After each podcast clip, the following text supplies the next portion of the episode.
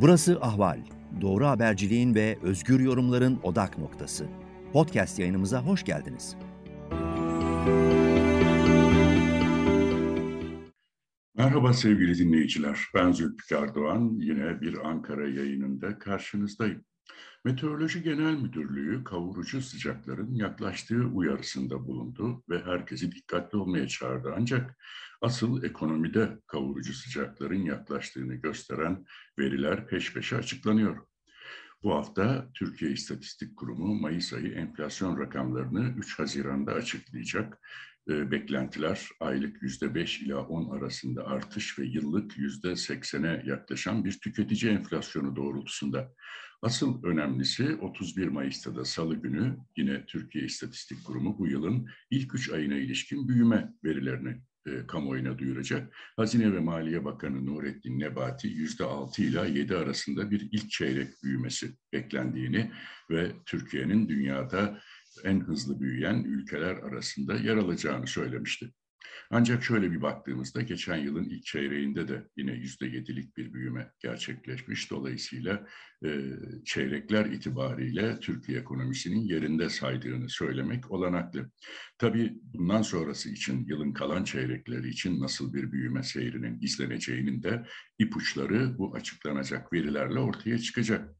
Tabii e, Türkiye ekonomisinin büyümesi, diğer taraftan enflasyonun hızla yükselmesi e, pek çok sorunu beraberinde getiriyor. Ancak Cumhurbaşkanı Erdoğan'ın başında bulunduğu iktidar bu sorunların e, fazla e, önemsenmemesi gerektiği görüşünde. Hatta bu sorunların varlığını da e, inkar ediyor. Çünkü Cumhurbaşkanı Erdoğan Dış Ekonomik İlişkiler Kurulu'nun toplantısında yaptığı konuşmada özellikle e, faiz, enflasyon konusunda kendisinin gündeme getirdiği tezi yani faiz sebep enflasyon sonuçtur tezini eleştirenlere çok sert tepkiler gösterdi.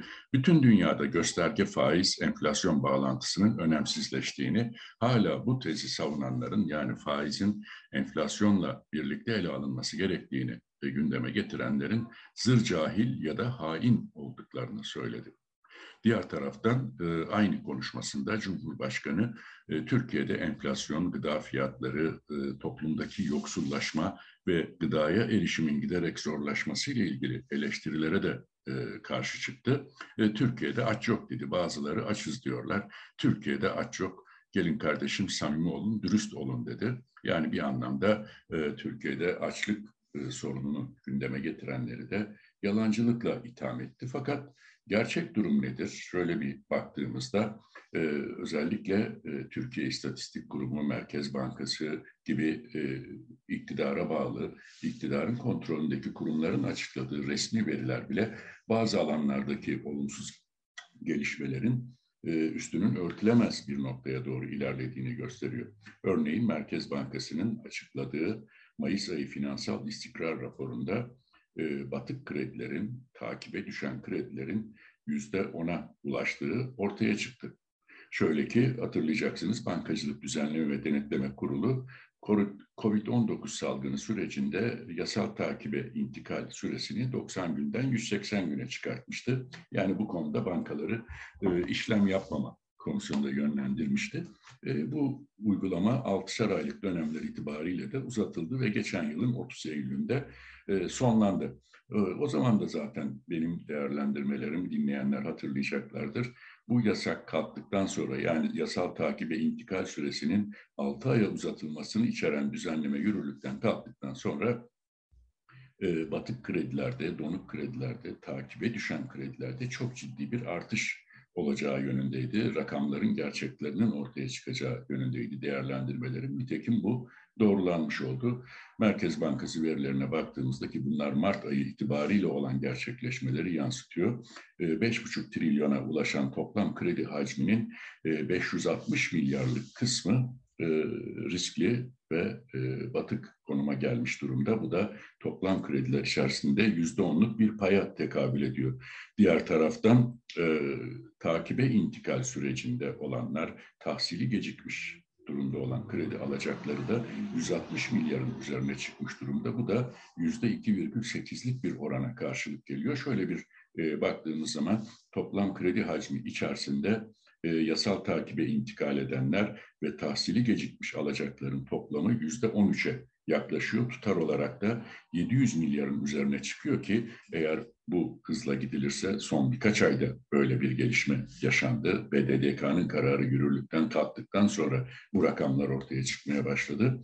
E, bu süreç aynı hızla devam ederse çok yakında batık ve riskli kredilerin, tahsili geciken kredilerin 1 trilyon liraya hatta üzerine çıkacağını, e, yılın ikinci yarısında bunun 2 trilyona kadar e, tırmanmasının olanaklı olacağını öngörüyorum. Bu öngörümü de sizlerle paylaşmak istedim ki bu bankacılık sektörünü, finans sektörünü e, oldukça zorlayacak bir tablonun yaklaştığını gösteriyor.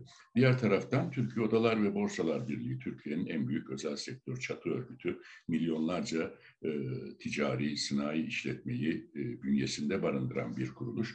E, bu kuruluş her ay e, açılan, kapanan şirket istatistiklerini yayınlıyor. Nisan ayına ilişkin e, kısa süre önce açıklanan rakamlar çok vahim bir gidişi işaret ediyor. Nisan ayında kapanan şirket sayısı bir ayda 2000'in üzerinde artmış. Mart ayına göre bu yüzde 59'a varan bir artış anlamına geliyor. Aynı şekilde geçen yılın Nisan'ından bu yılın Nisan'da ise bir yılda yüzde 126'lık bir artış var kapanan şirket sayısında. Bu da oldukça vahim bir e, durumun bana göre işareti.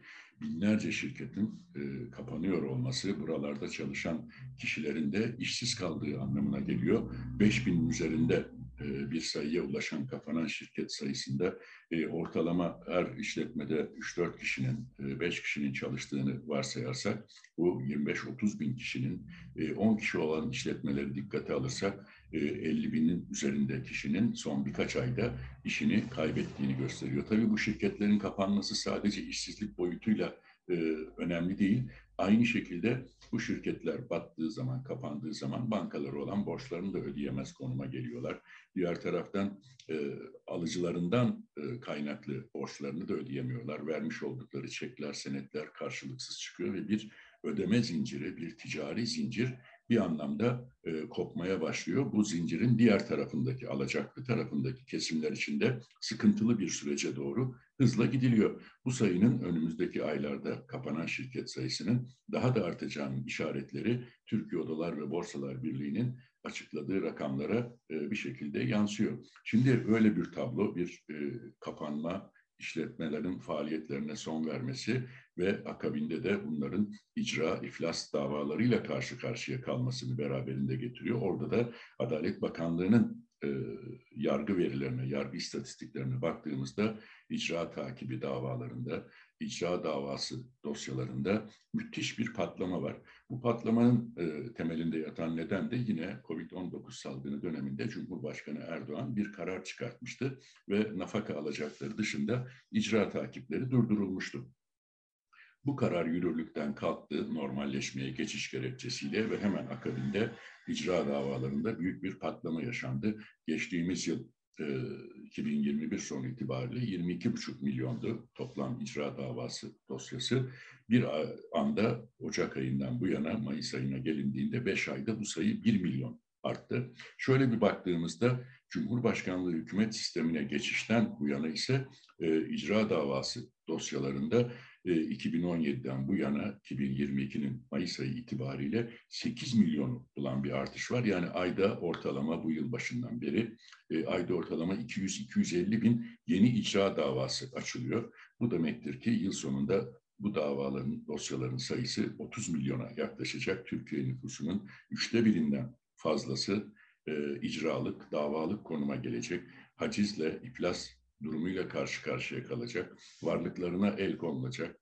E, sahip oldukları banka hesapları bloke edilecek ve e, gayrimenkuller, taşınmazlar, otomobilleri varsa bunların da hepsi icradan satışa çıkartılacak. Böyle bir vahim tabloya doğru gidişin işaretleri var. Gerek Türkiye Odalar Borsalar Birliği'nin gerekse Adalet Bakanlığı'nın yargı istatistiklerinde görünen tablo. Dolayısıyla başlangıçta e, vurgulamış olduğum Meteoroloji Genel Müdürlüğü'nün kavurucu sıcaklar yaklaşıyor e, uyarısı asıl ekonomi için e, geçerli diyebiliriz. Ekonomide çok daha kavurucu bir tabloyla, çok daha kavurucu bir yaz dönemiyle karşı karşıyayız.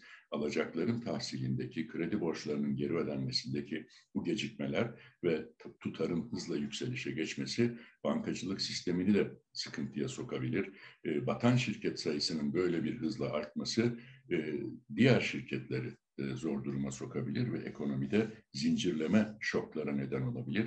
Başta ifade ettim Cumhurbaşkanı hemen hemen bu gelişmelerin e, tamamını e, reddediyor, inkar ediyor. Hayır Türkiye'de böyle bir ekonomik tablo yok diyor. Faiz enflasyon bağlantısını kuranlar cahildir, haindir diyor. Aç insan yok Türkiye'de diyor. Fakat bu tablo önümüzdeki aylarda yeni açların, yeni yoksulların, e, yeni iflas etmiş şirketlerin ekonomiye katılacağını gösteriyor. Bunun işaretlerini veriyor. Bu açıdan da e, muhalefetin e, altılı masa toplantısı beşinci kez gerçekleşiyor. Ama e, öne çıkartılması gereken asıl konunun bu yakıcı ekonomik sorunlar olduğu, e, güçlendirilmiş parlamenter sistem, işte demokratikleşme bunların hepsi hayati önemli konular. Fakat şu anda halkın beklentisi, halkta karşılığı olan en büyük çıkış ekonomideki çözüm e, önerilerinin ne olduğu yönünde bir e, somut plan ortaya koymaları, bu beklentinin bir an evvel karşılanması ve böylece e, iktidarın örtmeye çalıştığı ters algıyla biraz da unutturmaya çalıştığı gerçek tablonun halkın önüne konularak çözüm önerileriyle birlikte bir güven tesisi yoluna gidilmesi kanımca altılı masadaki liderlerin de öncelikli politikası olmak zorunda. Ben Zülfikar Doğan. Yeni bir yayında tekrar buluşmak dileğiyle sizlere hoşça kalın diyorum. Ahval podcastlerini tüm mobil telefonlarda Spotify, SoundCloud ve Spreaker üzerinden dinleyebilirsiniz. Apple iPhone kullanıcıları bize iTunes üzerinden de ulaşabilir. Türkiye'nin ve hayatın cıvıl cıvıl sesleri Ahval Podcast dizisinde. Kulağınız bizde olsun.